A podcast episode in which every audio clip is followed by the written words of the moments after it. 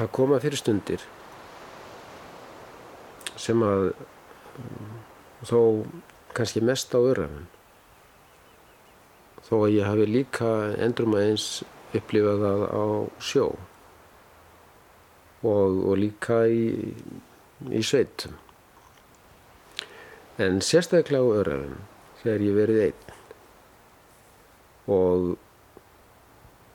og þvælst um þá allt í einu þá allt í einu finnst mér ég vera um vafinn þessu landi. Ég fæ svona eh, ljúfmilda tilfinningu fyrir formi landsins og, og, og, og fjöllum. Fjöll heilla mig afar mikið. Því að þau eru svo óræð og þau eh, eru svo dulafull og hvert fjall er svona hefur sinn personuleika má segja. Svo allt innu stendur þau frammi fyrir því að, að allt þetta samspil hef, er svo dýrmætt. Hver stein er á sínum stað. Hann er ekki hann er ekki raðað upp eitthvað eftir eftir einhverju hérna, reglustykumáli heldur er hann er hann akkurat á réttum stað. Og það er þetta óreiða í náttúrunni sem að gerir hann svo töfrandi. Þetta eru töfrar sem að virka á mann og, og e, mjög stert og þeir hafa gert það við mig. Þannig að ást mín á, á náttúrunni á landinu hefur verið minn drivkraftur bæði í skrifum mínum og baráttunni. Þannig að ég vil ekki að við glötum þessu og ég vil að að börnin mín og, og kynnslóðu sem að eiga eftir að koma fá að njóta þessara hluta. Þetta verður ædýrmætara eftir því sem að tíma líða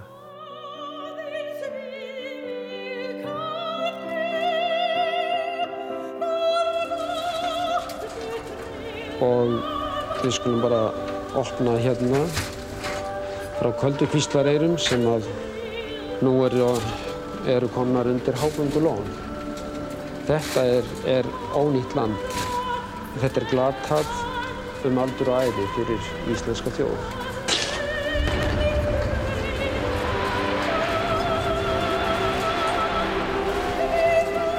Skaftá, Kringilsárranni, og þeir demugljúfur, mestu gljúfur landsins og einstæðar jarðfræðilega minjar.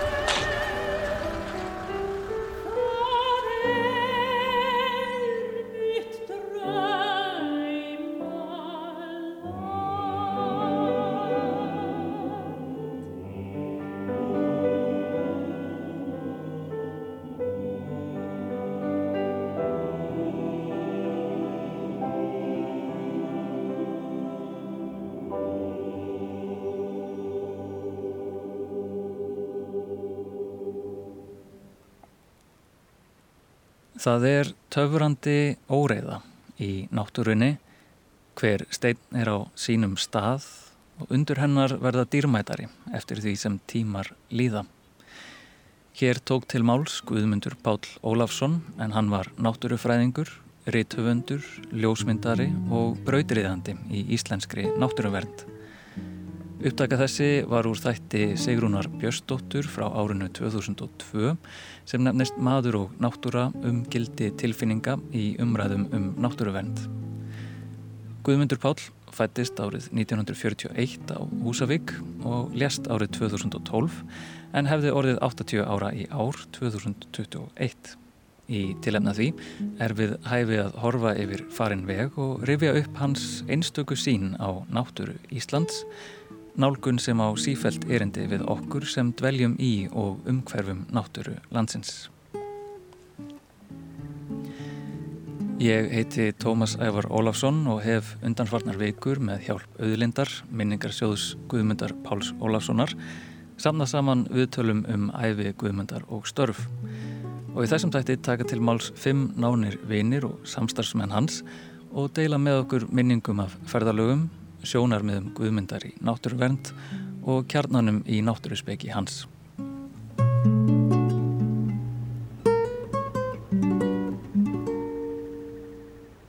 Ég heiti Mari Ellingsen og er leikari. Ég man þegar ég var lítil að þá fór ég út í móa. Pappi var mikið náttúrupann og einhver tíman ætlaði ég að fara að tæta upp mosa og þá lagði hann svona höndina sína og ná höndina mér og sagði þetta er viðkvæmt, mosin er svo viðkvæmur og tekur hann svo langan tíma að vaksa. Skulum reyna að hérna lappa þannig um náttúruna að við skemmum hann ekki. Ég man bara eftir þessu augnabliki, ég veit ekki, ég verið þryggja, fjara ára, fimm ára kannski. Að þá allt í einu varði náttúran lifandi fyrir mér og viðkvæm og eitthvað sem að ég hefði ábyrgagvart og þetta er eitthvað sem að hefur síðan bara alltaf vaksið og frekar magnast upp og bara þanga til að mér finnst bara eins og við og náttúran eða ég og náttúran séum bara það sama. Ég heiti Guðmundur Andri Tórsson og ég er rittstjóri og ritthöndur Á hverju morgni fer ég í um það bíl klukkutíma gönguför íðurlega tilneittur vegna þess að það er hundur sem að dregu mig af stað og, eh, og á þessum gönguferðum þá upplýði ég mjög stert þessi náttúru öll og, e, og síðan á e, þegar það tekur að vora og það tekur að ma maður sér vorið koma fyrst í sjónum, það, það breytist liturinn á sjónum aðeins og svo skinnja maður það á kynnum sér í, í vindinum og, og svo koma fugglar og fyllist skindilega alltaf fugglum og allt verður bara ekkert skrækir og gól og, og týst e, og þá náttúrulega fer ekki hjá því að maður e, sveiblist mjög stert e, með þessu öllu þessu lífi. E, og það einhvern veginn fari bara beint e, inn í sálinn á manni svo fer maður nýri fjöru og, og maður reynir að finna í fjörunni e, ögurstundina sem að maður hittir nú ekki alltaf á. Það er stundin millir flóðs og fjöru. Það er akkurat stundin þegar að náttúrun heldur neyri sér andanum heldur akkurat neyri sér andanum og, og það hefur komið fyrir að ég hef fundið þessa stund í fjörunni og, og uh, þá uh, undrast maður og dásamar lífsaflið Ég heiti Andri Snær Magnason og ég er ritthundur svona stóra skinninu kannski hafi verið þegar ég flytt frá Ameríku og við alpumst upp á Hálendi. Pappi kaupir lapplandir jæppa og við förum í svona jæppaferðir svona bílalestir líka með maður afa. Og það er annars var þegar maður var að ganga um hverasvæði á ykkur brotthættir í skurð þar sem maður skinniði náttúrulega sem hættulega ég hefði aldrei skinnið hana sem hættulega ekki inn í skó í Ameríku eða já ekki vellarnar en, en og síðan þessar jökul ár þeir eru bæði fyrir mig yfir þær og síðan þegar maður stendur á brún og horfir honni í eitthvað svona olgandi svelg og ég mann mjög ungur hvernig maður ímyndi sér hvernig að vera að hverfa ofin í svona svelg Sett bara samlagast þessum ströymið þetta var eitthvað óhugnarleg sírenukjendur segður eitthvað sem var, var í þessu. Og sá lengur síðar Kristján Fjallaskáld held ég að orðum þetta í, í Dettifossi. Það, það er eitthvað svona það er eitthvað svona störlun í þessu afli sem fær mann til að vera svo smáan. Og síðan þessi hugmyndum bara hverfa ón í þessu órið sem ég man eftir þessari hugmynd þegar ég var bara mjög lítill bara nýju tíra bara eitt skref og það ertu bara orðin hluta þessari órið Jóhann Ísberg, ég er, er sjálfstastarfandi með veitingastað og svo er maður náttúrulega í ljósmyndunni. Uh, ég er náttúrulega búin að ferðast gríðarlega mikið bæðið sumur og vetur og, og það eru staðir, sko, það er náttúrulega tengist rosalega mikið hálendinu. Þar er maður í svona uh, fríð og ró og, og oft, oft einniða með bara útvöldum með sér og oft hefur maður upplifað þar bæði kraftin í ánum, í jöklunum og í Dingjufjalladal og fjallsendi þar síðst það sem að fer sko frá Mývatni og niður í gegn og fer, í, fer sagt, fyrir vestan öskju gegnum Dingjufjalladalinn og þar er áfsalega fallega klettamyndanir og svo auðn er, er dásanleg, hún er svona maður að verður allur afslappaður, maður verður rólegur og finnur fyrir, fyrir eh, bara auðmygt gangvað náttúrunni. Ég er Rúri og er myndlistarmadur að atvinna. Með fyrstu minningum mínum er að leiðinni vestur á fyrði. Ég er ættuð frá vestfjörðum að vera að fara með fóröldrum mínum sennilega svona sex ára og ég er að horfa á skurðina sem skera þetta fallega land, skera túnin í einhverja ljóta ferhyrninga á meðan í náttúrun eru bogalínur sem takast á við beinar uh, klettamyndanir. Og mér fannst þetta svo sárt að mig verkjaði í hjartað.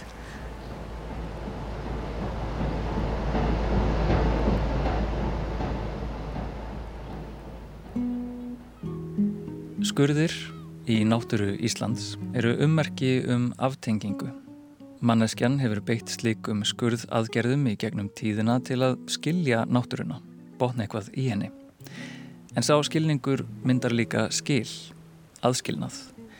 Við skiljum fyrirbæri náttúrunar frá hvort öðrum, tökum þau úr samhengi til að skoða þau, við einföldum markbreytileikan til að geta kortlagt hann í litlum bútum Svo aðferð er vissulega mjög mikilvæg á ýmsum sviðum en hún getur undið upp á sig, sérstaklega ef við leggjum ofur áhersluna á þann hag sem við höfum af skurðunum. Þá getur aðferðin orðið til þess að við ristum of marga, of djúpa skurði í gegnum viðkvæmar heldir. Aðskiljum vistkerfi frá hvort öðru eða umbreytum heilu vistkerfanum. Lögum þau að okkar þörfum sem gerðan stangast á við þarfir þeirrar heildar sem náttúran er. Ennfremur er það þessi skilningsaðferð okkar sem aðskilur jáfnvel okkur sjálf frá sköpunarverkinu. Við tökum okkur sjálf út fyrir svega, skerum á tengslinn, setjum okkur á stall og teljum okkur jáfnvel drotna yfir náttúrunni.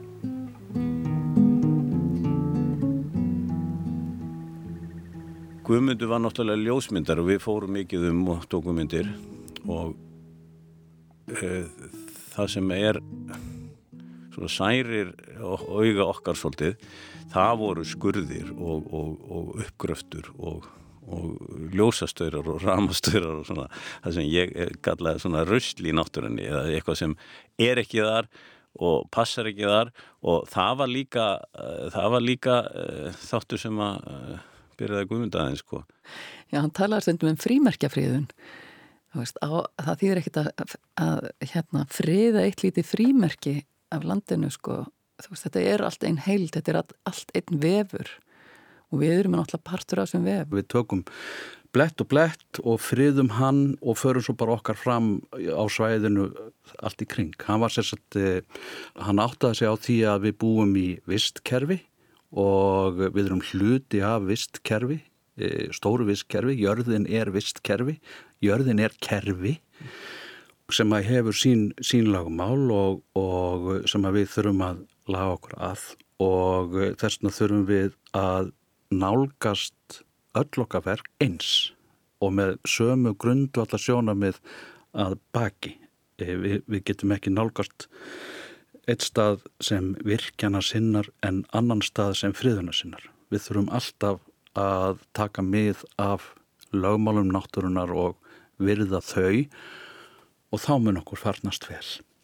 Hann hafnaði nefnilega kenningunni um eh, að sá hæfasti lifi af, survival of the fittest og hann e, sá sjálfur undrið sko sem gerist þegar, þegar sá veikasti lifir af og e, hann benti á það, benti ótal dæmi þess eins og hann orðaði það sjálfur að lífið er félagskapur og að e, e, í vistkerfi e, þar e, vinna lífverurnar eh, sem fyrirfinnast í einu vistkerfi og þá er ég að tala um gróður jæmt sem dýralíf þá vinna lífverurnar saman uh, að því að lifa af verðna þess að ef að þær myndi ekki gera það verðna þess að lífið er ekki fyrst og fremst samkeppni heldur samvinna.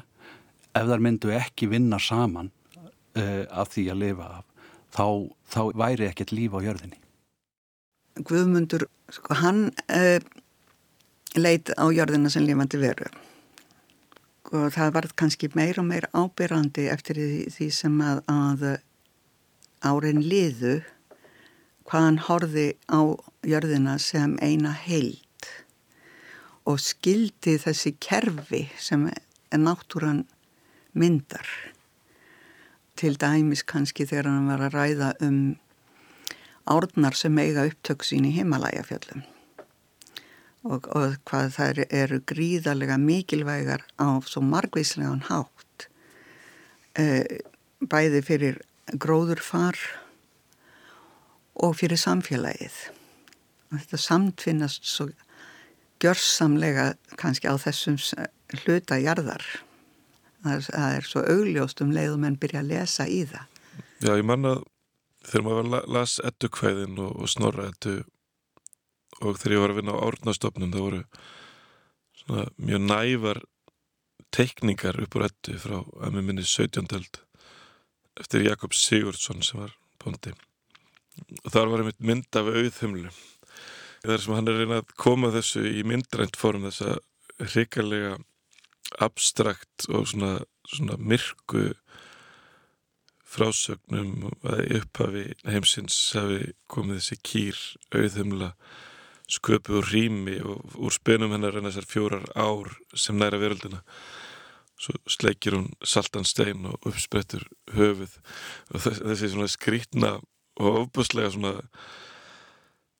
abstrakt mynd bara hva, hvað er þetta? Og, og er þetta einhver meiskilingur og, og kýr sköpu og rými? Þetta bara gengur ekki upp.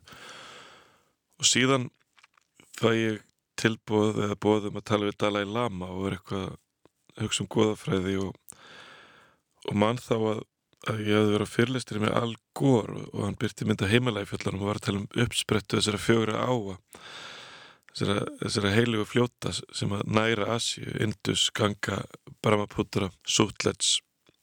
Og fyrir eitthvað að gramsegja svo og sé að þarna er hér að í Nepal sem heitir Humla. Það er heimalægi stígurinn Mikli sem liggur að Kælasfjalli sem er helgastafjall heims og, og þaðan renna þessar fjórar höfuð ár Asíu. Og upptök ganga er þannig heimalæga fjallgarðinum og sástæður heitir Gomúk eða munnur kýrinar og hugsa bara auðvitað jökull sem uppsperta lífsins. Það kengur bara fullkomlu upp sem myndlíking. Og af hverju hafði mér fundist þetta að vera eitthvað svona andstæð að kýrsköpu rými geti verið geti verið uppspretta lífs eða svo náttúrulega er jökulvatni mjölkur kvitt og, og jökullin hann sverfur bergið betur heldur en í raun nokkur vél. Og þannig að þetta er alveg hárfint uppleist efni sem að er, er í jökulvatninu sem gera mjölkur kvitt og er síðan bara besti ábyrðir sem getur fengið þegar þetta þetta flæmir yfir, yfir túnin hjá þér. Þannig að þetta er ekki bara vatn og jökulvatn er ekki bara eitthvað grugg og gruggið er ekki bara óæskilegt heldur gruggið er bara lífgjafi. Þannig ég hugsaði bara svona Júreka ég fann auðvumli ég hringi í Guðmund Pál Ólafsson uppveðraður. Bara ég er búin að gera hérna alheims uppgötun ég bara ég, ég fann hana, ég fann hana bara Indiana Jones heimi á mér og heila í grælinn og norðinni guðafræði og hann er eitthvað svona þurra mannin Guðmundur Páll og, og hann svona dæsir og segir ég ætla að senda þér hérna fyrsta kaplana þannig vatninu í Náttúr Íslands. Og sem hafa nýbúin að skrifa. Og, og sá, sá kapli fjallarum auðumlu heimsins og upptök ána í, í heimilagi fjallanum það var svona smá þögn og villakar áttu að hver áttu hugmyndina? Hver, hver fann hana? En, en svo ákveða við að að eiga þessa hugmynd saman en því miður það dó hann út frá sinni bók sem var, var mjög sorglegt og, og hún var síðan klárið af hans nánustu. Og kom í minn hlut kannski að bregða út bóðskapin um auðumlu Hann, hann sagði náttúrulega þessi orð sem að þar sem hann vittnar í fræðumann frá Afríku, Baba Diom þegar allt kemur til alls varveitu við aðeins það sem við elskum. Við munum elska aðeins það sem við skiljum. Við munum aðeins skilja það sem okkur er kent og þetta var svona grundvallar atriði og í fyrsta lagi náttúrulega hann gaf alltaf kredit, hann tók þetta ekki þótt að sé oft gert að hans orðum að þá gaf hann alltaf sjálfur kredit þeim sem hafið hugsað undan honum.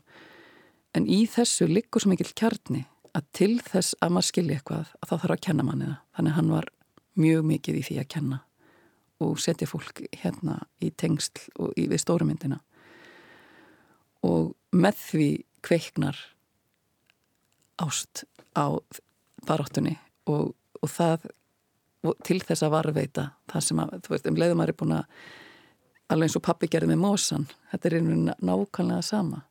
Um leiðum að skilur eitthvað að þá tengist maður því og þá vil maður varveita það og þá er maður tilbúin að berjast fyrir því. Þú veist að því þá svo oft verður að gera lítið úr því að þetta veri tilfinningamál að náttúröndar væri bara með tilfinningarnar en ekki með, með sko rögin og eitthvað. En hann var ekki bara, hann var ekki bara hann skammaði sín ekki fyrir að vera með tilfinninguna en hann sagði, ef þú ert ekki með tilfinninguna þá ert ekki með neitt ef þú ert ekki með tenginguna við hjartað og skilningin skilningin sem að býr til þessa, þessa tengingu að þá, þá, er ekki, þá, er, þá er ekki neitt.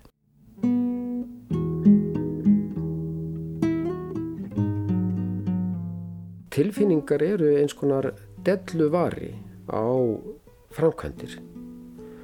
E, þér þykir vænt um land þú, þú ert ástfangin að því þú ert hrifin að því vegna þess að það það er e, það snertir ákvæmlega strengi í þér eða þá að þú hefur e, alist upp við það og haft lifubröð af því.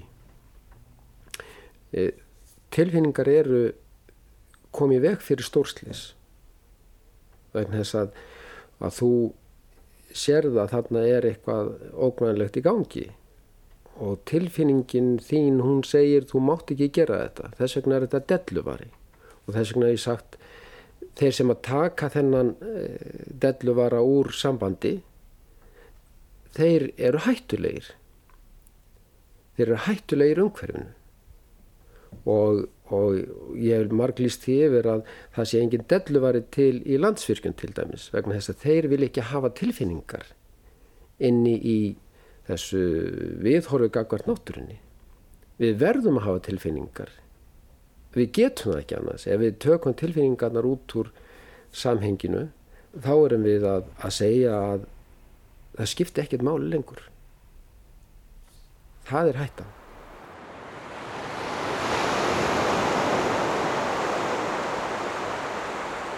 Árið 1973 eignaðist Guðmundur Pál Sölubúðina eða gamla kauffélagið í Flati og nefndi það Vorsali. Hann gerði húsið upp og breytti versluninni í íbúðarhúsnaði og bjóð þar á samt eiginkonu sinni Ingunni Jakobsdóttur. Viðmælendur mínir áttu öll góðar minningar af heimsóknum sínum til þeirra hjóna í Flati.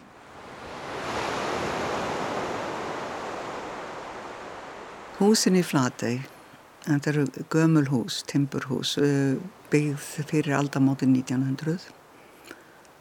Vorsalir er eitt af norsku húsunum sem voru flutt inn til landsins, eh, eh, forsmíðuð í, og söguð niður í Noregi og sett saman eftir númerakerfi á Íslandi. Þetta er einhver vönduðustu timburhúsin sem voru hér á þessum tíma. Guðmundur nefndi húsi Vorsali. Hann uh, hafði alveg einstakt laga og að skapa falleg nöfn. Það var svona dæmi gert fyrir Guðmund. Hann, hann er ekki alltaf bara að tala hann er alltaf að gera eitthvað.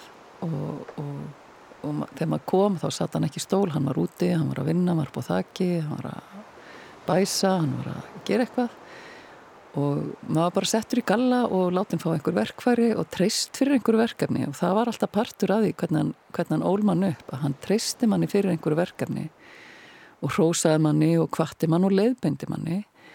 Og þetta var bara svona kannski svona tákgrænt fyrir það að ég var, að ég var látin hefla eitthvað og, og stóð þarna og heflaði. Og svo, svo, svo tókum við okkur pásur og töluðum saman og fórum í göngutúra og skoðum fuggla og rættum um, um hvað þeirst að gera og hvað við getum gert og, og, og svo framvegi sko.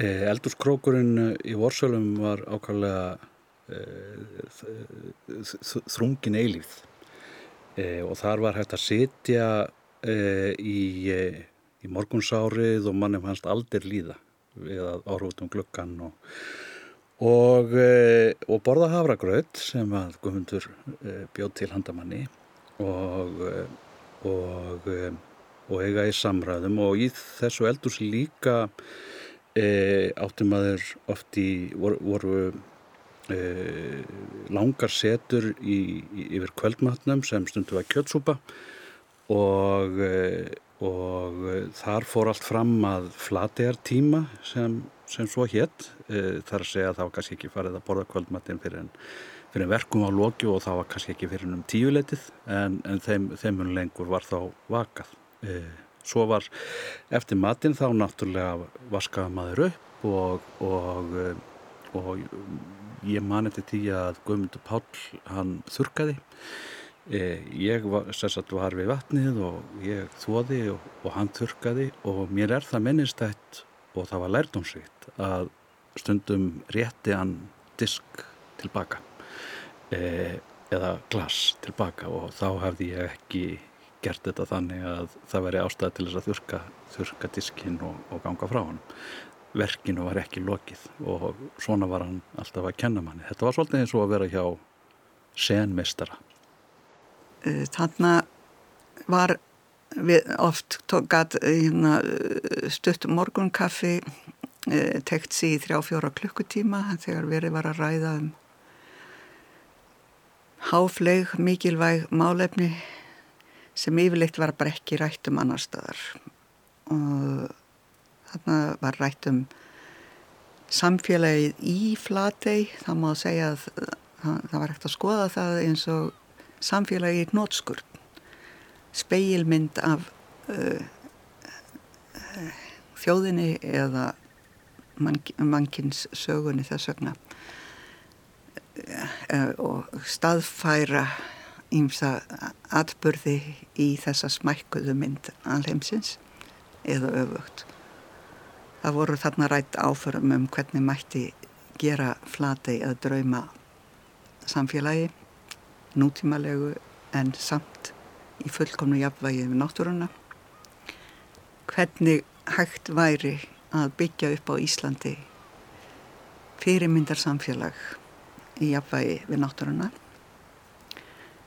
Þarna bæði fættust hugmyndir og an, hugmyndir annara voru rættar stórar og smáar fyndnar og alvörugefnar. Og þetta var ómetanlegur brunnur að byggja á. Þetta var þetta er svona ákveðin fjársjóður sem að hefur fyllt mér til dæmis í gegnum lífið þessi hugmyndafræði og aðferðafræði sem við beittum þarna eða var beitt þarna. Hans náttúrusbyggi var mjög ídealísk hún var svolítið bara eins og, eins og líf hans í flati. Þar sé að að nútíma tækni og þessi svona hugmyndum að, að sko tæknin og nútímin ætti að færa okkur nær náttúrun aftur. Þar sé að tæknin og vélarnar myndu jú, losa okkur við þetta erfið vegna þess að það var ekkert auðvelt að til og með þess að búa á breyðafjörðaregjum og, og stritið og, og lífsbaráttan sem átti sér stað en, en, en tæknin og og þekkingin og, og vísindin að, að það ætti að búa, búa til eitthvað svona held sem ger okkur klift að komast næri náttúrunni. Þá einmitt eins og sem er eins og hann lifiði sko að, að náttúrun var ekki bara þjóðsögur heldur líka undrunin yfir já, þeim nýju uppgötunum og þeirri nýju sín sem að, sem að vísindin ferð okkur. Þekking sem að forfeður okkar gátt ekki skiljið eða hefði ekki aðgangað ásamt fornuviskjónu og, og fornu hugmyndanum ég held að hann hafi séð fyrir sér bara einhvers konar byggð. Já, ég vil á breyða fyrir því þar sem fólk bara lifði svipuð lífa sem það átsvartfugl naut náttúrunar rannsakaði, frætti og læriði miðlaði kafaði sildi og, og, og síðan naut lífsins yfir góða mat. En ég held að hann hafi verið mikill sko séð fyrir sér að einmitt að sveitirnar og, og landið geti verið allt í byggð og blóma í, í, í, í gegnum reynilega tengslinn við náttúruna og ástina á náttúrunni og, og fræðsluna og fræðin. Og, og það væri síðan grundvöldur skólakerfis menningar, sjálfsmyndar og festu í byggð til dæmis og, en ekki bara af því að maður verið ráðin í vinnu hjá okkur í verksmiðu og, og færði sig um leða maður fengi og væri til að fórtuna hverju sem er í, á staðinum til þess að hækka launum sinum tíu skall til þess að geta keft sér eitthvað dót. Að ég held að hann hafi látið sér dreymi með mitt lífsfyllingu í gegnum náttúru og sögu þannig að einmitt húsavernd náttúruvernd tungumál og, og þetta var allt svona mikil held sem að hann sá fyrir sér og, og, og bjóð til í kringu sig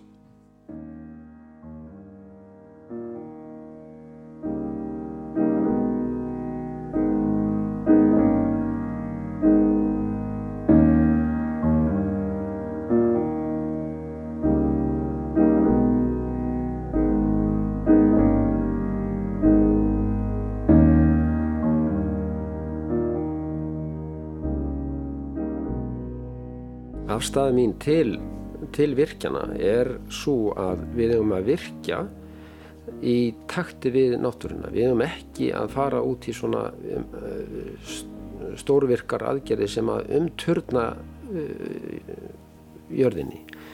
Heldur eigum við að, að, að vera með reynslisvirkjanir, við hefum að, að nýta gufuna uh, skinsanlega, ekki, ekki taka á mikið og ekki hrópla við uh, sérstæðum svæðum. Við erum að nýta vindorkuna. Og þannig getum við sko þessar, þessar virkjanir sem verið er að byggja þær eru, þær eru ekki sjálfbærar eins og kallaðir það er að segja þær, þær geta ekki haldið áfram að vera alltaf. Uh, hvert lón fyllist það gerir hverja virkun ósálbæra og með lóni, sér hverju lóni sem við byggjum, þá erum við búið til eðimörk. Lón verður að eðimörk og, og má kannski segja sem svo með öllum þessu lónum sem að, sem að alþingi er að heimila þá er, þá er alþingi eins konar eðimerkustofnun hún er að búa til eðimerkur á hálendi Íslands. Það er bara ekki hægt örvísi með þessi lón. Það hérna eh, lýsir bara ekki e, okkur sem, sem vel mentaðri þjóð og skinsamri eða, hva, eða þá að okkur, við, okkur þykir vænt um landið okkar að við förum svona með það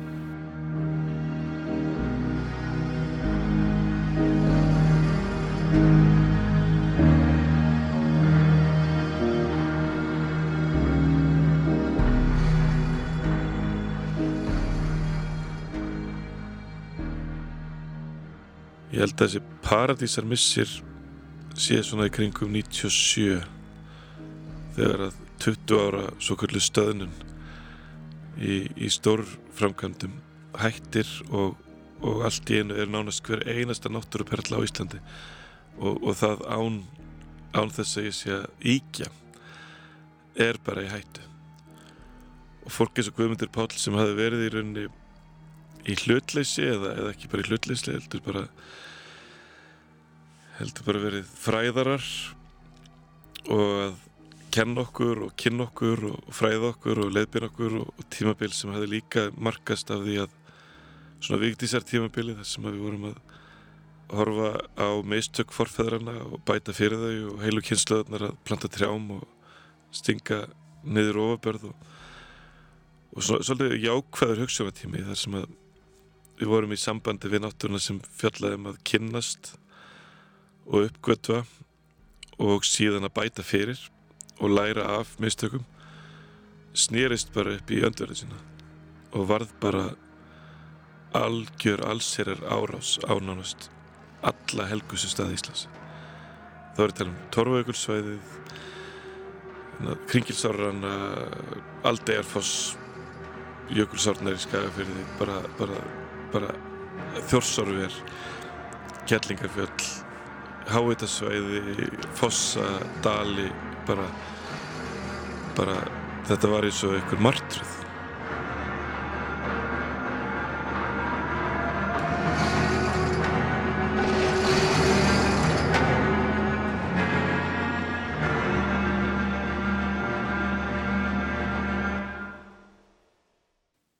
þetta byrjaði hjá honum þetta hálendis uh, virkjun og baróta sagt, upp í vonaskarði þegar hágangulónin voru. Og þá voru sagt, þá var farið uh, sagt, inn á hálendið. Og þetta eru náttúrulega staðir sem að kannski menni eins og hann og ég og fleiri er búin að fara um og, og tengja svona mjög sterkum böndum. Og, og, og hann leita á þetta sem svona svolítið heilagt við hálendið átti að vera við áttum að leifa því að vera í friði. Velja okkur einhverja výlinur og, og verja þær. Og það var það sem hann gerði og, og, og upp í vonaskarið það var gert þar hákungulón en síðan þegar áallinni svo komið náttúrulega var, voru eigabakkanir á sín tíma, það var á undan. Það, það, það var ekki farið í eigabakkana hann, hann lit sér þá skipta mikið og svo þegar Káranhjúkun kom með þessum, þessum gríðarlega lóni þá, þá var þá var náttúrulega hjólaðin í það vildi að, að þetta erði láti vera ósnert og, og, og það var svona kannski rauðið þráðurinn í þessu að, að vera ekki að kássast í hálendinu, vera ekki að, að hérna ráðast inn á hálendin með mikið að mannana verkum eða allavega eins lítið og mögulegt væri og þetta fannst hann að vera alveg uh, langt yfir strykið. Og það var bara offorsið í þessu, grimtin í þessu, ljótleikin í þessu og síðan hvernig var talað um fólk sem hafi áður verið einmitt bara fræðarar og, og í hlutleysi og ekki pólitíst í raun heldur bara og, og fólk sem var kannski saminningatákn, kannski eins og Ómar Ragnarsson líka að þetta fólk upplifiði sig bara eins og að horfa upp á eitthvað mæta með kindilinn í, í, í, í Notre Dame sko. Já, og þetta fólk upplifiði síðan bara alveg hrikalega ljóta hluti. Við stóðum aðna og vorum skrítna fólkið sem var verið að reyna að gera lítið úr, er þetta ekki eitthvað afdunlaust uh, getröflað fólk sem er með tilfinningar? Og, og það var jafnvel og ég lendi því sjálf og fleiri í kringum mig að það var reynd að grafa undan okkur, það var reynd að eh, koma okkur út úr vinnu. E, þú veist, ég misti verkefni og það var bara, það var bara sagt beinum orðum að það væri út af þessu, út af því að ég var að tala um náttúruvend og ég veit að Guðmundur Páll lendi því oftar en ekki að það var reynd að bólan út úr háskólanum og svo framvegs, þetta var mjög mikil harka í þessu Þetta er náttúrulega mjög gömul aðferðafræði valdhafa að reyna að gera þá sem að, að, að gera gagnirýnisrættir hlægilegar. Eh, ef ekki tekst að þakka niður í þeim á annan hátt þá er reynd að gera hlægilegar. Guðmundur var mjög mikið fyrir þessu hér á landi. Þar sem að alþingismenn hikuð ekki við að koma fram í sjónvarpu og halda því fram að hann væri með einhverja, já þeir, sagði ekki móður síki en alltaf því þegar hann lísti yfir uh, væntum þykjusinni gagvart landinu og jörðinni. Þannig að þeir uh, gengu hart fram í því að reyna að gera hann hlægilegan. Þeir að skammast sín en þann dag í dag hver, sem, hver þeirra, sér hver og sér og allir. Auðvita voru menn ekkit ánaðir þeir sem voru þeim megin og, og það voru menn sem sögður til syndana og það var einmitt lísti sko Guðmundi Pál svolítið vel að Vesta orðið sem ég heyrði hann nota um þá sem vildu virkja allt eða vildu virkja mikið og, og voru kannski uh, á öndurum eiði í þessum málum að, að, að, að það væri að það þyrti bara að taka þessa hluti og það þyrti, fólk þyrti að lifa í landinu og við þurfum að skapa atvinna svona sem í sjónu sér er auðvitað sjónamið og, og Guðmundur skildi það alveg. En vesta orðið sem ég heyrði hann nota um þó að menn væri búin að í hann og allt þetta var, voru jarðvöðlar. Hann lagði aldrei mönnum ílt til þannig og en auðvitað voru menn sem að agnuðust út í hann hann hvart aldrei við því.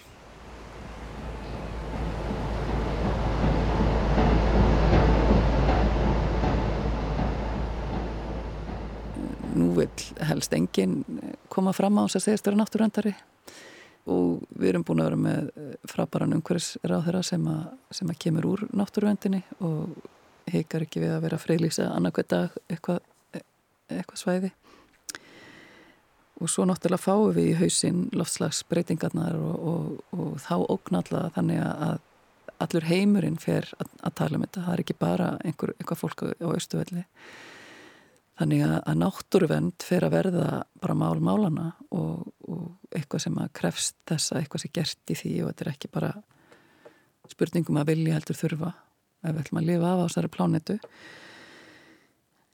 En svo er samt svo ótrúlega sikt í bara já en samt mér langar að virkja aðeins meira og verðu við ekki aðeins að gera það og, og, og þú veist og svo veist, það þýðir ekkert að sopna á sem verði því að það er alveg bara enda löst verið að potast sko.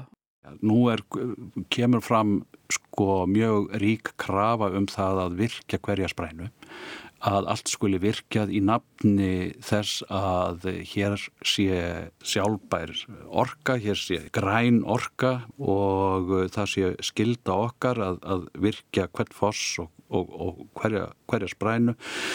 E, bara skilda okkar við, við mannkinnið til, til þess að hérna, vega upp á móti en þá hérna, svakalegri orku vinslu sem vissulega er. En þá er litið fram hjá því að hérna vassorka, virkjanir eru ekki, eru ekki græn orka. E, allavega held ég að hann myndi aldrei skrifa upp á það og, og hann myndi ekki, ekki, ég veit að hann myndi berjast gegn þeim virkjana áformum sem að ég þykist vita að séu núna e, meira uppi en nokkur sinni og ég held að næstu ár verði hatramlega tekist á um þetta, nákvæmlega þetta. Guðmundur Pál sínd okkur einmitt fram á að vassaflið í mjög þröngri verkfræðilegri sín getur kallast græn orka en, en í stóra saminginu er hann það ekki. Þeir eru heftir ána, þeir eru heftir vorflóðin, þeir eru sapnar öurnum upp á hálendi í staðis að næra hafið þegar þú skoðar samingi flóða og gots þetta signingar þorksins og, og bara lífriki sjávar að það má færa fyrir rauk að, mér sér í lofslags sjónum með mér er hefur græn orkan okkar ekkert verið sérlega græn og síðan tilgangurinn hvað verður um allan en málum við vitum það ekki að það er hægt að því að menn noti þetta núna sem eitthvað skjólkaskjól til þess að rýfa upp annan fassa af, af stórverkinum upp á Hálendi. En eins og ég segi það það er svo margt ónýtt af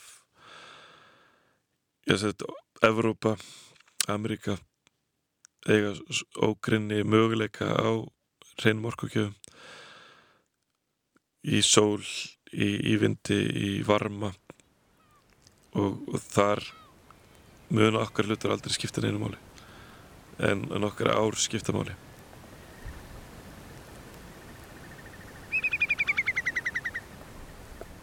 Hann svona var soldið á þeirri línu stundum að ef það þyrti nöðsilega að gera eitthvað þá er það að gera það þannig að það væri á stöðum sem væri svona afturkræfir.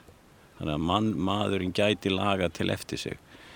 Í framtíðinni erum við að horfa á, við erum ekki að horfa á uh, sömu orkugjafi framtíðinni eins og í dag og, og þegar að því kemur að tæknin leysir betur úr orku vinslu í einhvern með einhvern annari tækni sem að án Eva mun gerast þá e, verður auðveldar að endurheimta ákveðna staðeldur en aðra.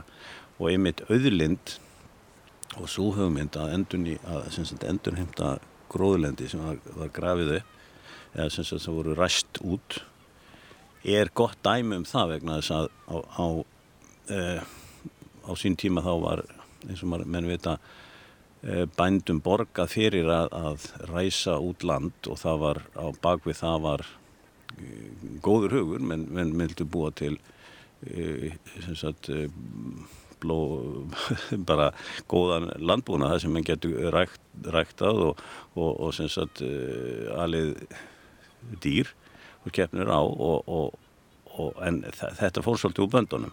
Mennum að borga fyrir þetta og þegar ég var í sveit þá voru, voru, var gröfumadur í þrjú ára að grafa skurði á, á bænum sem ég var á e, sem að ég raunlega ég held að hafa verið nett sko hagnaður af að gera. Þannig að bændunni voru bara að bjarga sér og þurftu, þurftu vitt ekki af fyrir þá. En á flestu þessum stöðum er þetta gróður land og það er hægt að grafa ón í þetta og það er hægt að endurheimta það. Það er nú gammalt áraðatiltæki að betra er heilt en vel gróið. En það er betra að græða upp aftur því sem hefur verið spilt.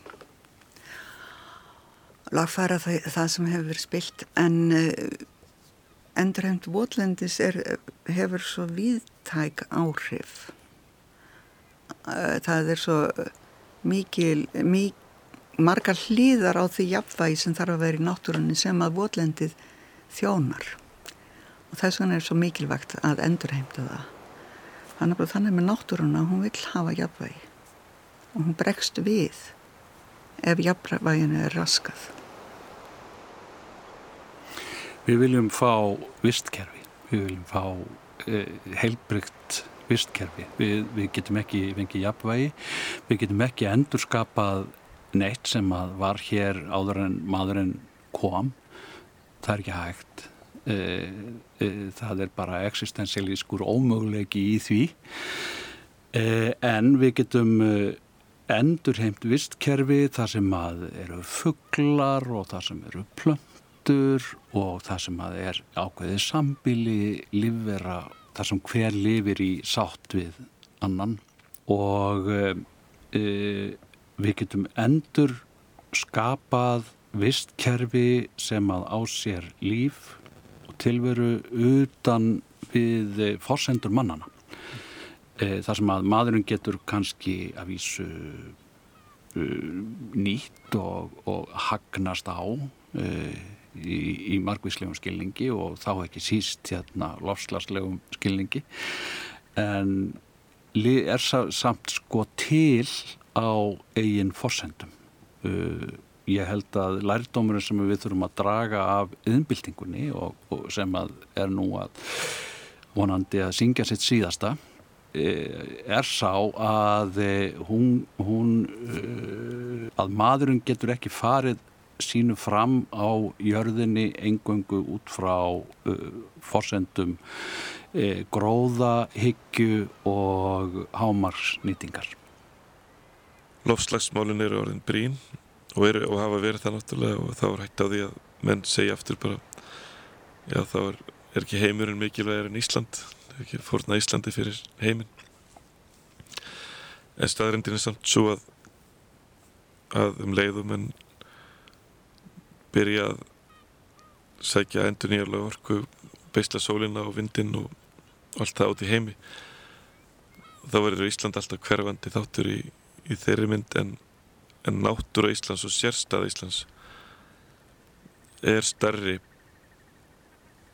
það er, það er herri aðlismassi í mörgu hérna heldur en á mörgum öðrum sveðum hérna er ákveðin fjölbreytni ákveðin viðkvæmni ákveðin sérstaða sem er heldur mikilvæg fyrir heiminn í heilsinni mikilvægri heldur en að bræða bitcoin fyrir einhverjar ímyndaða þarfir í heiminum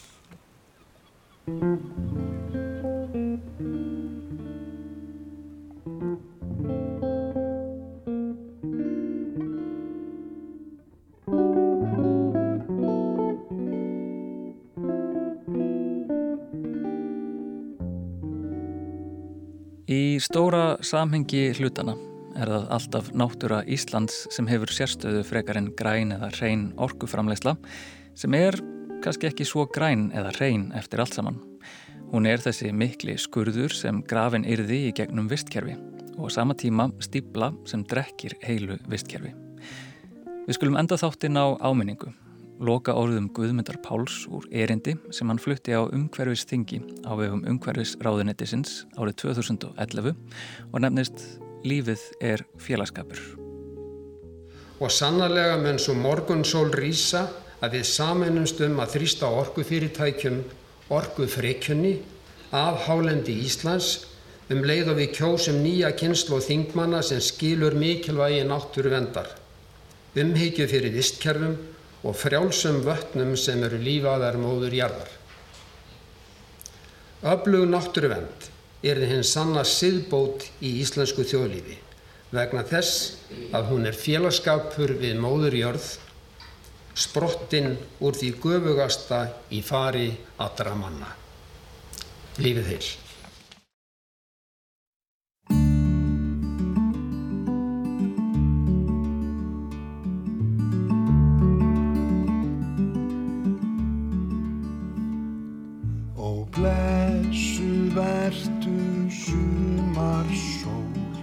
Er sveipar gulli dal og hól og gillir fjöllin himinn há og heiðar vötnin blá. Nú fossar lækir unnir ár sér una við þitt gilda